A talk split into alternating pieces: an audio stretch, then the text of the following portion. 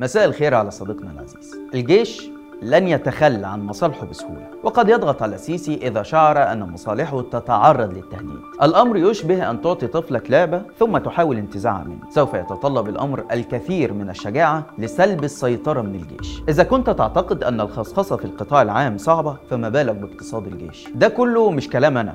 ده كلام نشرته صحيفة Financial Times البريطانية في مقال بعنوان هل ينزع السيسي الاقتصاد من أيدي الجيش؟ واللي بيقول فيه الكاتب أندرو إنجلاند إن أهم سؤال مطروح في مصر دلوقتي هو هل صدمة الأزمة الاقتصادية الحالية واللي كشفت هشاشة النموذج الاقتصادي اللي بناه السيسي على مدار الثمان سنين اللي فاتت معتمدا على الديون الخارجية وسيطرة الجيش على كل قطاعات الاقتصاد في الدولة هل الأزمة دي كافية لإجبار السيسي على اتخاذ أصعب قرار في عهده واللي بيتمثل في إبعاد الجيش أو على الأقل تقليص دوره في الاقتصاد خاصة إن دي واحدة من توصيات صندوق النقد الدولي.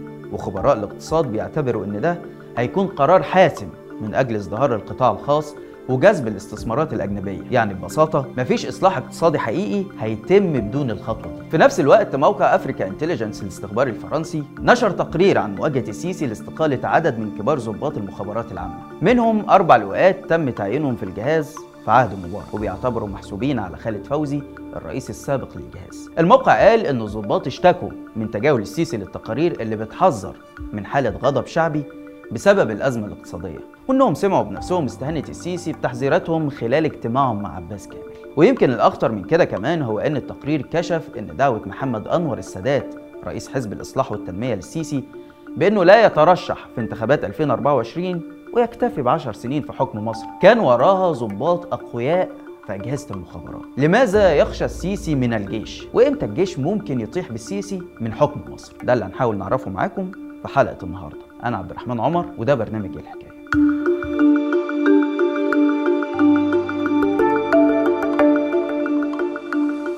أنا بحييك وبحيي الجيش. طب بقول كده ليه؟ عشان أنا منه؟ لا والله لا والله العظيم. لكن أنا بقول كده عشان بسجل ليكوا في والتاريخ أهلا بيكم الجيش المصري تخلص من مبارك وتخلص من مرسي وإذا تخلص أي أحد من السيسي سوف يكون للجيش المصري. ده كلام قالته السفيرة الأمريكية آن باترسون في فبراير سنة 2019 خلال ندوة لمركز التقدم الأمريكي لما كانت بتروي شهادتها على الأحداث في مصر ما بين 2011 و2013 كلام السفيرة واضح وصريح.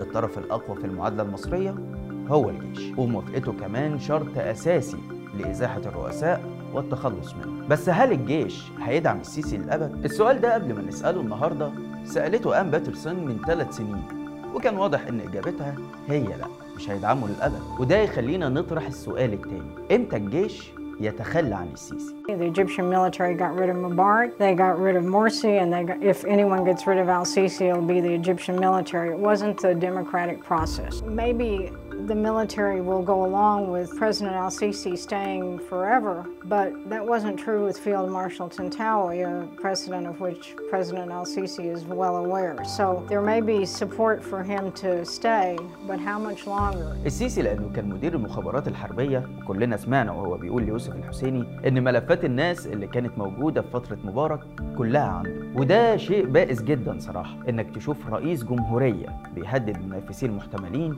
بإنه يستخدم ضدهم معلومات حصل عليها خلال فترة عمله ولأنه كمان كان وزير دفاع قبل ما يستغل الأزمة السياسية في 2013 ويستولي على السلطة. فهو أكتر شخص عارف كويس قدرة الجيش على إزاحته والتهديد اللي بيمثله الجيش على سلطته. ومهما كان الدعم اللي بيحصل عليه من الجيش دلوقتي أو في مراحل سابقة إلا إنه مستحيل يأمن جانبه ويطمن من ناحيته بنسبة 100% وده ببساطة جدا لأن مبارك نفسه العسكري اللي حكم مصر 30 سنة وكان معاه دعم أكبر بكتير من السيسي لما هدد مصالح الجيش بمشروع التوريث لابنه جمال الشاب المدني اللي بيقود مجموعة من رجال الأعمال واللي هدفهم خصخصة المصانع والشركات لمصلحتهم. وده طبعا كان بيهدد مصالح الجيش السياسية والاقتصادية. فكانت النتيجة إن الجيش اشتغل ضد مشروع التوريث. وأول ما جات الفرصة لإنه يطيح بمبارك ما فكرش مرتين. وكان القرار هو المشاركة في عملية التغيير اللي حصلت في 2011 بهدف امتصاصها والانقلاب عليها فيما بعد. كان لنا دور وواضح ضد مشروع التوريث.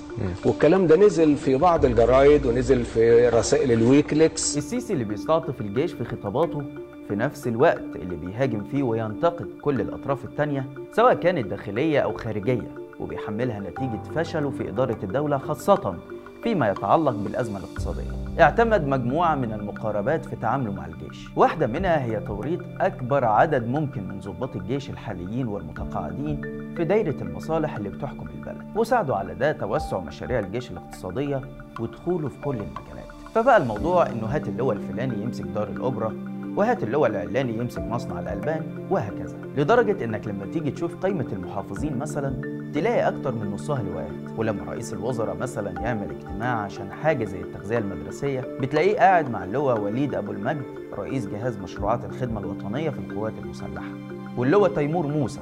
رئيس شركة Silo Foods المقاربة دي ممكن نسميها سياسة الترضية بالمناصب أو الفساد المقنن لأن العسكريين دول مش شرط يكونوا عارفين قدام نفسهم إن هم فاسدين بالعكس جزء كبير منهم بيشوفوا نفسهم ناس شريفة وبتفيد البلد. والفلوس اللي بياخدوها دي حتى لو كانت مبالغ كبيرة فهي مقابل شغلهم وخبرتهم. بس النتيجة الإجمالية هي إنه بتتكون طبقة من العسكريين حاكمين البلد ومصالحهم كلها مرتبطة بالسيسي وبقائه في السلطة وده بيحقق للسيسي هدفه في توريط الجيش معاه وتحصين نفسه من أي مغامرة انقلابية ضده لأنها ببساطة كده هتهدد مصالح طبقة كبيرة من العسكريين اللي مش مستعدين يتنازلوا عن مكاسبهم بسهولة.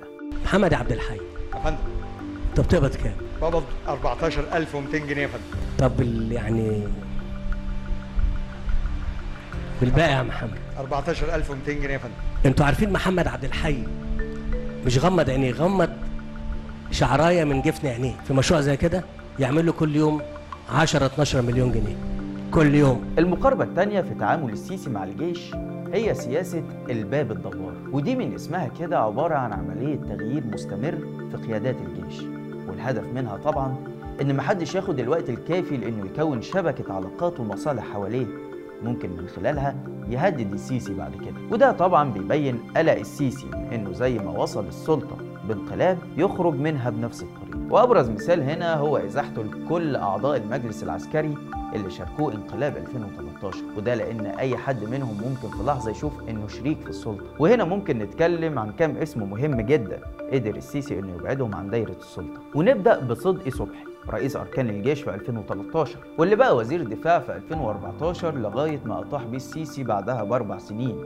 رغم وجود نص دستوري بيحصن وزير الدفاع كان ضافه السيسي في دستور 2014 عشان يحمي نفسه من أي سيناريو محتمل. وخد صدقي صبحي منصب شرفي لما تعين مساعد لرئيس الجمهورية. نفس الكلام حصل مع محمود حجازي نسيب السيسي. لأن حسن عبد الفتاح السيسي اللي شغال في جهاز المخابرات العامة واللي اتكلمنا عنه في حلقة أبناء السيسي متجوز من بنت محمود حجازي. لكن رغم كده حجازي اللي كان مدير المخابرات الحربية سنة 2013 ورئيس أركان الجيش سنة 2014 تمت إقالته وإبعاده بعدها بثلاث سنين. وبرضه خد منصب شرفي كده وهو مستشار رئيس الجمهورية. كمان عندك محمد فريد حجازي اللي مسك رئيس أركان الجيش بعد محمود حجازي بالظبط واللي قبلها كان أمين عام وزارة الدفاع. بس فجأة السيسي غيره واداله منصب شرفي برضه زي إخواته كده وهو مستشار رئيس الجمهورية.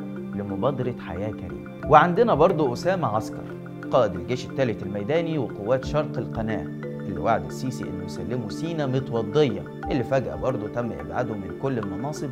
وتزامن مع ده ظهور تقارير قالت إنه كان بيحضر اجتماعات لدعم مرشح عسكري بديل عن السيسي في انتخابات 2018 في وقت أعلن بالفعل سامي عنان وأحمد شفيق ترشحهم للرئاسة قبل ما يتم التعامل معاهم بقسوة زي ما شفت. بس برضه قصة أسامة عسكر ما انتهتش هنا ورجع مرة تانية عشان يبقى رئيس هيئة عمليات القوات المسلحة قبل ما يترقى ويبقى رئيس أركان الجيش. في ريمونتادا البعض ربط بينها وبين مظاهرات سبتمبر 2019 اللي اضطرت السيسي إنه يرجع عدد من قادة الجيش والمخابرات اللي كان اتخلص منهم الفريق أسامة تم تكليفه بقيادة شرق القناة كله ومكافحة الإرهاب.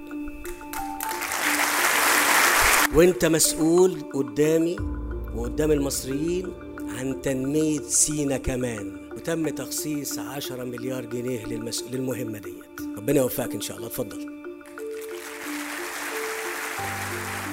المقاربة دي برضو ممكن نشبهها بسياسة العصا والجزر واللي بتتمثل في فكرة إن السيسي حاطط نفسه في المركز وحواليه قادة الجيش فتلاقيه يقرب ويبعد منهم حسب مصلحته. مثلا يرقي كامل الوزير عشان تابع ليه ويديله رتبة فريق كمان. ويبعد أسامة عسكر لما يطلع كلام إنه مش موالي ليه بالقدر الكافي وبعدين يرجعه تاني لما الأمور ما بينهم تصل يبعد نسيبه محمود حجازي وبعدين يرجعه تاني ويديله ملفات زي التحكم في الإعلام وكأنه كان بيورث ودنه بالتعبير البلدي والأهم إنه بيوصل رسالة لكل القادة داخل الجيش.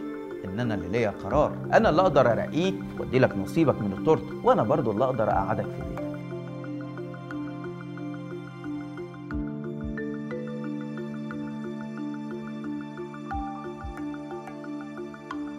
حد يقول لي طب ما الراجل كده حاطط الجيش في جيب مورد قطاعات واسعة جدا من الضباط في شبكة مصالح مديهم مشاريع إنشائية قيمتها أكتر من 400 مليار دولار خلال السنين اللي فاتت. ده غير كمان إنه سمح لهم بابتلاع السوق عن طريق الشركات والهيئات التابعة للجيش اللي تحول في عهده لحزب حاكم وشركة ضخمة في نفس الوقت. فإزاي بقى السيسي ممكن يكون خايف من الجيش؟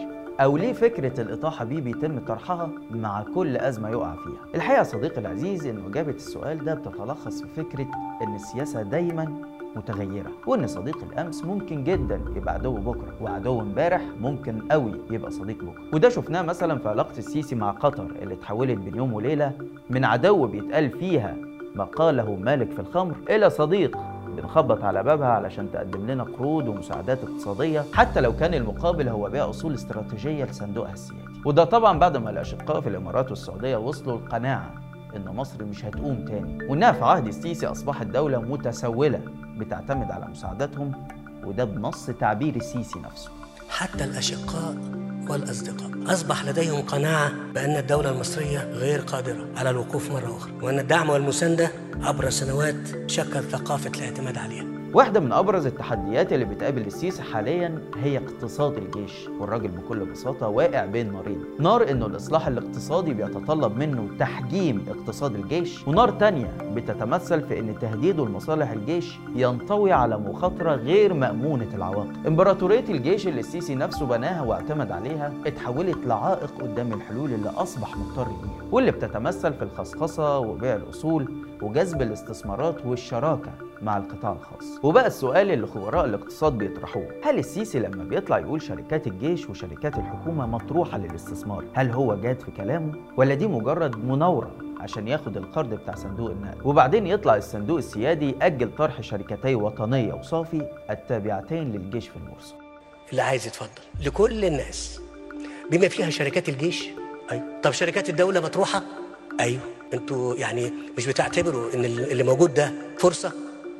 مش كده؟ طب وماله؟ والله والله والله.